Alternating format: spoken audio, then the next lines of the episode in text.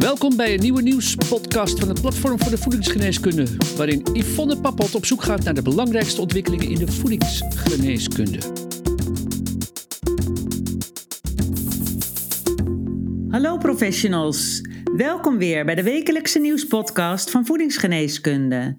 Met deze podcast willen we jou inspireren over de rol van leefstijl, voeding en specifieke nutriënten in relatie tot gezondheid en ziekte. Ik ben Yvonne Pappot en ik verheug me echt enorm op dit gesprek met Andrea van Vuren. Wat nieuws was er vorige week? Ik weet niet of je de avondshow van Arjen Lubach gezien hebt, maar daar knetterde het. Lubach is in deze show namelijk in de wereld van voedingssupplementen gedoken en is zeer kritisch op het gebruik ervan. Hij schaart deze producten onder een lucratieve vorm van kwakzalverij. Hij stuitte op vele vitaminereclames van influencers of BN'ers die allerlei supplementen aansmeren en gaf aan dat gezonde mensen helemaal geen dure supplementen nodig hebben. Het zou om pure misleiding gaan. Nou, Andrea, welkom ook weer uh, bij deze nieuwspodcast. Dankjewel. En aan jou als kennisspecialist in voeding en supplementen de vraag: ja, heeft hij een punt, uh, Andrea? Is er inderdaad sprake van misleiding? Nou, allereerst, ik heb er wel verschrikkelijk om moeten lachen, moet ik toegeven. ik vind het ja. geniaal hoe die dingen vindt over hom en dom. En uh, ja, het zat wel heel goed in elkaar. Maar ja, je kunt er natuurlijk niet onderuit dat het hier om satire gaat. Zaken worden gewoon enorm uitvergroot. En in het echte leven ja. ligt dat natuurlijk wel een beetje genuanceerder. Maar toch vond ik dat hij bij sommige voorbeelden wel een punt had. Er bestaan natuurlijk gevallen van pure misleiding. En hoewel er toch wetgeving bestaat om dat tegen te gaan, zijn er altijd partijen die de grenzen, aan, uh, die de grenzen weten op te zoeken. Uh, maar daarbij moet je aan de andere kant ook het gezonde verstand van de consument niet onderschatten. Want iedereen weet dat elk bedrijf als doel heeft om producten te verkopen en, en winst te maken. Ja, en uh, dan is er natuurlijk ook wetgeving om uh, die consument te beschermen, om die, om die misleiding tegen te gaan. Want wat veel mensen misschien niet weten, en ook de professionals niet, is dat ook influencers zich aan regels moeten houden tegenwoordig. Als ze bijvoorbeeld betaald worden, of als ze producten hebben gekregen van een, bedrijf, of als een percentage krijgen als mensen producten bestellen via hun link, dan is er sprake van een gesponsorde boodschap. En dat is aan regels gebonden. Dat wil zeggen dat de consument dus moet kunnen zien dat het hier op, om een gesponsorde boodschap gaat. En die regels die kun je vinden op influencerregels.com. Dus uh, als de professional daarin geïnteresseerd is, kunnen ze daar die regels bekijken.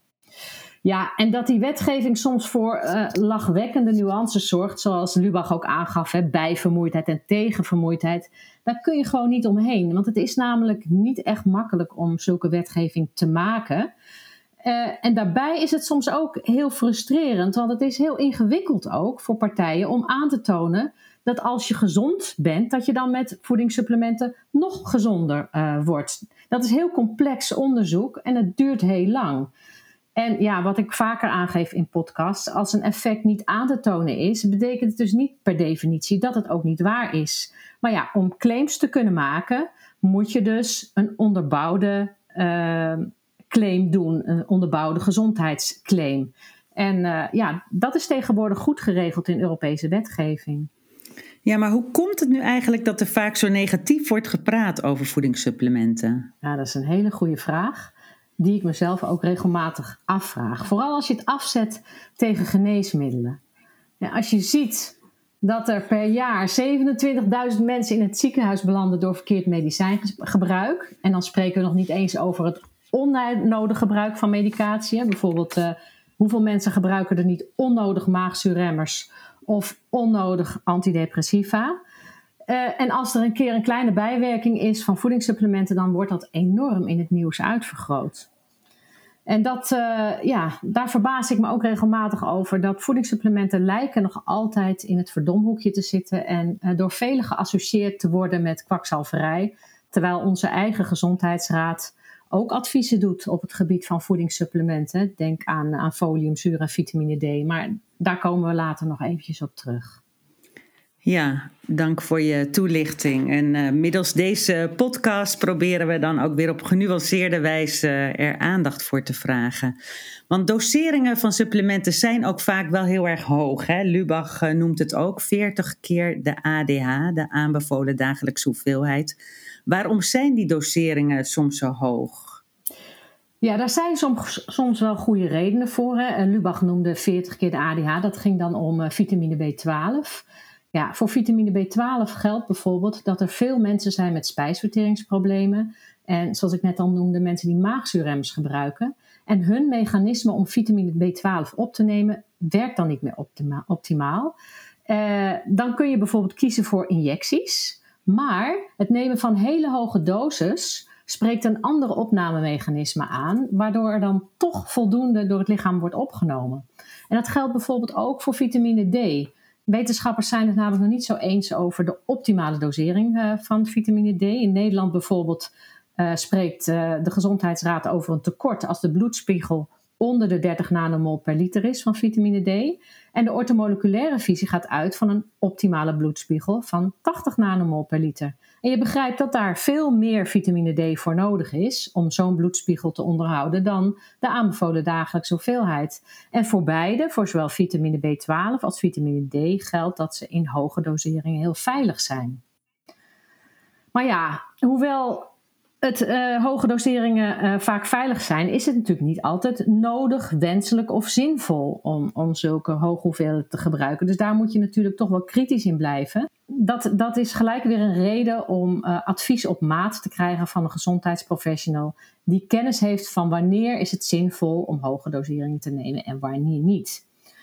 En daarbij uh, zijn in Nederland voor risicovolle vitamines, hè, die wel gevaarlijk zijn in hogere doseringen, denk bijvoorbeeld aan vitamine A, uh, zijn ook regels. Hè. Er zijn uh, wettelijke maxima voor vitamine A, B6 en vitamine D in supplementen.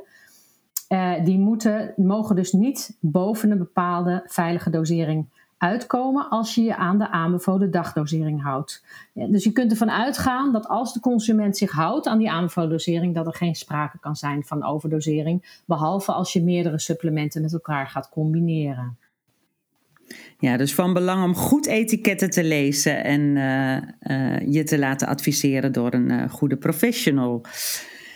Ja, en we moeten eigenlijk ook niet vergeten dat er in Nederland vanuit de Voedingsraad ook adviezen zijn voor het gebruik van voedingssupplementen. Nu, Lubach noemde ook bijvoorbeeld al uh, foliumzuur bij zwangeren en B12 voor veganisten. Maar er zijn meer adviezen waar vaak toch maar weinig aandacht voor is. Uh. Ja, dat klopt. En dat heeft dus ook tot gevolg dat heel veel mensen zich niet aan die adviezen houden. Terwijl die adviezen zijn bedoeld voor mensen die ook al gebruiken ze een supergezonde voeding, niet aan hun behoefte aan die betreffende vitamines en uh, vitamines kunnen voldoen. dat geldt bijvoorbeeld ook voor vitamine D. Als we als voorbeeld nemen bijvoorbeeld uh, foliumzuur voor zwangere vrouwen, gebruikt gemiddeld maar 55% van de zwangere vrouwen foliumzuur gedurende de hele door de overheid aanbevolen periode. En dat kan consequenties hebben voor de gezondheidsuitkomst ja. uh, van de toekomstige baby. Um, vitamine D bijvoorbeeld, voor vrouwen vanaf 50 jaar geldt een suppletieadvies van 10 microgram per dag. En voor mannen boven de 70 jaar 20 microgram. Heel veel mensen weten dat niet eens. Veel van mijn vriendinnen, en ik ben 60, die in mijn leeftijdsgroep zitten, die weten niet eens dat ze elke dag een supplement zouden moeten uh, slikken om aan voldoende vitamine D te komen. En uh, uit onlangs uh, uh, gepubliceerde voedselconsumptiepeilingen blijkt dat ongeveer 50% van de vrouwen boven de 50 in de winter alleen al, maar 50% van die vrouwen gebruikt vitamine D, wat het dus het advies is. En voor mannen van 70 die dus, die dus 20 microgram moeten gebruiken, gebruikt slechts, 60, oh, slechts 20% dat. Sorry. Dus zo, het grootste deel zo. van de bevolking volgt het advies dus niet op. En dat heeft consequenties voor onder andere botsterkte, spiersterkte, wat vooral in die leeftijdsgroep enorm belangrijk is. Dus dat is best zorgwekkend. En voor die suppletieadviezen mag best meer aandacht komen. Ja, dat, uh, dat willen we hier nogmaals uh, benadrukken. En natuurlijk ook dat gezond eten sowieso de basis blijft. Hè. Voedingssupplementen zijn geen vervanging van gezonde voeding, maar het is uh, wel van belang. Uh, deze adviezen verdienen dus de aandacht, dat zei jij ook. Eh, en Renger Witkamp, hoogleraar uh, aan Wageningen Universiteit, benoemt in zijn reactie in het programma dat vitaminetekorten bijna niet voorkomen. Als je gezond eet, krijg je de meeste vitamines en mineralen binnen, wordt dan gezegd. Uh, maar ja, de vraag is interessant: in hoeverre eten we gezond, Andrea? We hebben het natuurlijk al vaker ja. over gehad, maar. Oh, ik word daar zo moe van, van, van die uitspraak die steeds maar herhaald wordt. Laten we gewoon eens kijken naar de realiteit in plaats van kijken naar wat wenselijk is. We eten te weinig groenten, we eten te weinig fruit, we eten te weinig vis. 70% van de volwassenen voldoet niet aan de richtlijn om dagelijks minstens 200 gram groente te eten. Ook haalt 19% van de mensen het maar om dagelijks de door de Gezondheidsraad aanbevolen hoeveelheid fruit te eten, 200 gram. En dat is heel jammer, want groente en fruit bevatten heel veel belangrijke micronutriënten zoals vitamine en mineralen. Ook de inname van omega-3 vetzuren uit vis blijkt, volgens de voedselconsumptiepeiling, onvoldoende. Slechts 30% van de Nederlanders volgt het advies om één keer per week vis te eten. En laatst bevestigde ik dat toch in een eh, kort bericht in de nieuwsbrief van voedingsgeneeskunde. Het ging om een publicatie in de European Journal of Nutrition. De wetenschappers die hadden een extra analyse uitgevoerd op de Nederlandse voedselconsumptiepeiling. En daaruit bleek ongeveer dat meer dan 50% van de bevolking minder calcium, minder ijzer, vitamine D en foliumzuur binnenkrijgt dan de aanbevolen hoeveelheid. En grappig is, de vitamine D-inname, of grappig, het is helemaal niet grappig, was voor bijna alle Nederlanders ontoereikend. En met name bij adolescenten, volwassenen, vrouwen en, nu komt die, mensen die geen verrijkte voedingsmiddelen of voedingssupplementen namen. Dus, uh, en wat zegt het voedingscentrum hierover, uh, Andrea? Ja, ik vind het zo'n dooddoener. Want wat ze zeggen is: voor de meeste microvoedingsstoffen zijn onvoldoende gegevens beschikbaar om vast te stellen of een te lage inname gepaard gaat met een tekort of nadelige gezondheidseffecten. Ja, waar zijn die adviezen dan voor? Dat is toch om gezond te blijven? Ja, ja. Wat, uh, dit, dit, dit vraagt om vervolgstappen vanzelfsprekend. Maar uh, ja, wat, uh, wat doen we daarmee, Andrea? Ja, ik denk dat er gewoon nader onderzoek voor moet komen van nou, wat is het effect van die latente tekorten? Hè? Want dat zegt Renger ook, niemand heeft beriberi of scheurbuik. Hè? Het gaat allemaal goed met ons. Maar wat gebeurt er als we allemaal een latent tekort hebben? Dus als we niet optimale spiegels hebben. Wat doet dat met ons metabolisme? Wat doet dat met ons immuunsysteem? Et cetera, et cetera. Uh, en, en daar moet echt onderzoek voor, voor komen en snel, want dat onderzoek is complex en duurt ook heel erg lang. En wat doen we dan tot die tijd? Laten we het maar gewoon gaan? Of gaan we mensen adviseren hoe ze hun voeding kunnen optimaliseren en eventueel aanvullen met voedingssupplementen? Ja, hoe zie jij dat uh, aan de supplementen allemaal? Nou, ik ben er echt van overtuigd dat een niet-optimale voedingsstatus, waarbij je dus geen gebrekssymptomen hoeft te hebben, maar echt een latent tekort hebt, dat dat echt invloed heeft op het functioneren van je metabolisme. Maar de vraag blijkt dus, hoe toon je dat aan? Dat je van voedingssupplementen nog gezonder wordt als je al ogenschijnlijk gezond bent. En wat doen we tot die tijd? Eh, kijk, dat is bij geneesmiddelen veel makkelijker. Die hebben een effect op een specifiek doel en dat is heel makkelijk meetbaar. Maar het effect van voedingssupplementen is veel subtieler, breder, milder. En het kost veel meer tijd tot je een effect kan meten. Daar moet echt nieuw, nieuw, daar moeten nieuwe onderzoeksmethoden ook voor komen. En voor wat betreft vitamine en mineralen zie ik, ja, als je kijkt naar de voedselconsumptiepeilingen, in het gebruik van een dagelijkse multi alleen maar voordelen. Eh, er zijn zoveel mensen die medicatie gebruiken ook, die invloed hebben op je voedingsstatus. Er zijn zoveel mensen, wat we zien uit de consumptiepeilingen, die niet optimaal gezond eten. Ga dagelijks naar de supermarkt, kijk wat er in de, in de karretjes zit van de mensen. Uh, het is een utopie om te denken dat alle mensen zich aan de richtlijnen gezonde voeding houden. Dus voor mij geldt een basissuppletie van dagelijks een goede multi. laat je adviseren door een gezondheidsprofessional wat een goede is. Aangevuld met magnesium, want ook uit de voedselconsumptiepeilingen blijkt dat een heel groot deel niet voldoet aan, uh, aan de aanbevelingen voor magnesium. En dat past nou eenmaal niet voldoende in de multi. En dan, hè, als we kijken naar die vis, omega-3 vetzuren, neem een visoliesupplement of een plantaardige omega-3 als je geen vis eet. En dat is wat mij betreft een optimale basissuppletie die ik aan elke Nederlander durf aan te bevelen. En uh, ja, voor al het overige zijn er natuurlijk mensen met specifieke uh, verschijnselen of, of, of, klachten. En die kunnen ook baat hebben bij specifieke supplementen in specifieke doseringen. En dan heb ik het niet alleen over vitamine en mineralen.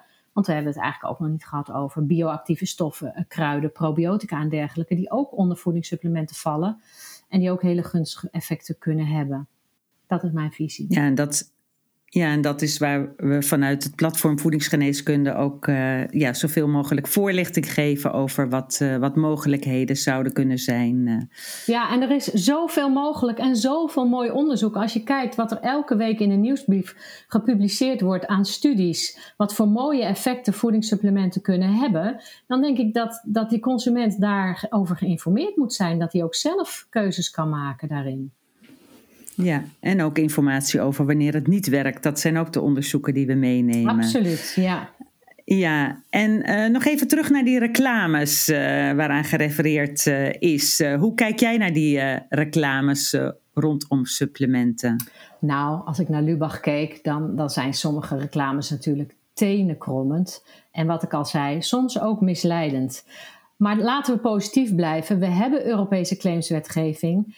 En dat heeft al heel veel goeds gedaan. En heel veel cowboys tegengehouden die dingen claimen die totaal uh, uh, misleidend zijn en totaal niet kloppen. Uh, alleen maar uh, bedrijven die alleen maar op winstbejag uit zijn en totaal niet uh, de belangen van de consumenten in, in ogenschouw houden. Er kunnen gewoon geen zaken meer geclaimd worden die totaal niet te onderbouwen zijn. En je ziet als bedrijven toch proberen meer te claimen dan toegestaan, dan ligt het er al heel gauw dik bovenop en wordt het ook lachwekkend. Dus we kunnen die consument beschermen met wetgeving, maar we mogen ook hè, het onderscheidend vermogen en het gezond verstand van die consument niet onderschatten. En de keerzijde van het verhaal van die wetgeving is dat het jammer is dat over hele zinvolle voedingssupplementen, zoals bijvoorbeeld, bijvoorbeeld probiotica, die heel veel heilzame effecten hebben, dat we daar geen enkele claim op kunnen doen. En er zijn steeds meer artsen die, die het voordeel zien van het gebruik van probiotica, bijvoorbeeld bij antibiotica gebruik. Maar daar mogen we helemaal niets over zeggen, terwijl het zoveel ellende kan besparen als meer mensen ze zouden gebruiken. En dat heeft weer alles te maken met een gebrek aan goed opgezet onderzoek met steeds dezelfde probiotica, met steeds dezelfde doelgroep, met steeds dezelfde dosering. Ja, en tot die tijd missen mensen dus de informatie uh, daarover. En daar ligt denk ik een hele belangrijke taak voor gezondheidsprofessionals. Zij kunnen de cliënten informeren van wat is er voor kennis op dit moment? Waar bestaan nog twijfels over? En die kunnen daar de nuances in brengen. En dan kan die consument zelf kiezen op basis van de beschikbare informatie. Ja, mijn laatste vraag was: uh, wat is jouw conclusie en advies naar de luisteraar? Dat heb je net ook al gegeven, maar heb je daar nog iets aan toe te voegen, Andrea? Ja, eh, ik zou dus die gezondheidsprofessional willen adviseren om je te informeren met vooral onafhankelijke informatie, zoals je, zodat je die ook weer door kan geven aan je cliënten. En dan, ik weet het hoor, blijft het nog lastig om goed zicht te krijgen op wat is nou zinvol en wat niet. Want ja, voedingsgeneeskunde is nou eenmaal niet zwart-wit. Maar wat ik ook wil meegeven, denk aan evidence-based. Evidence-based zegt niet alles. Alles wat niet aangetoond is of kan worden, is niet per definitie niet waar. En het is ook zo dat evidence-based heeft drie pijlers. Hè. Daar komt ook nog de behoefte van de cliënt bij en de ervaring van de gezondheidsprofessionals. Wat is jouw ervaring met het effect van die voedingssupplementen? En wees eerlijk over de wetenschappelijke status. En ja, uh, we moeten soms wat vooruitlopen op het onderzoek, omdat dat nou eenmaal heel lang duurt. En daarbij uh, moeten we voorkomen dat we heel veel goeds wat voedingssupplementen uh, kunnen doen, de consument ontnemen. Ja, dat is de andere kant van de medaille, denk ik. En jouw woord van de week? Nuance. Mooi. En ik heb op maat als woord gekozen, als woorden gekozen. Nou, Andrea, heel hartelijk dank voor dit gesprek. Uh, ja, of we met deze nieuwspodcast net zo goed gaan scoren als Lubach met de avondshow uh, is de vraag. Maar ik wil benadrukken dat wij vanuit het platform Voedingsgeneeskunde het uh, belangrijk vinden om een op een genuanceerde wijze het gesprek te blijven voeren over voedingssupplementen, nuttig of overbodig. En uh, ja, wij hopen met deze podcast uh, daar weer een steentje aan bijgedragen te hebben. Professionals, bedankt voor de aandacht en we horen ook graag uh, jouw reactie op deze podcast. Volgende week is er weer een nieuwe nieuwspodcast, dus graag tot dan. Via vakblad, website, podcasts en een jaarlijks congres biedt voedingsgeneeskunde al meer dan 20 jaar professionele en wetenschappelijk onderbouwde kennis. Gratis voor niets, het laatste nieuws in je inbox. Schrijf je dan in voor de wekelijkse nieuwsbrief op www.voedingsgeneeskunde.nl. Redactie en productie Yvonne Papot. Techniek Sjoerd Kaandorp. Voedingsgeneeskunde is een project van uitgeverij Media Medica.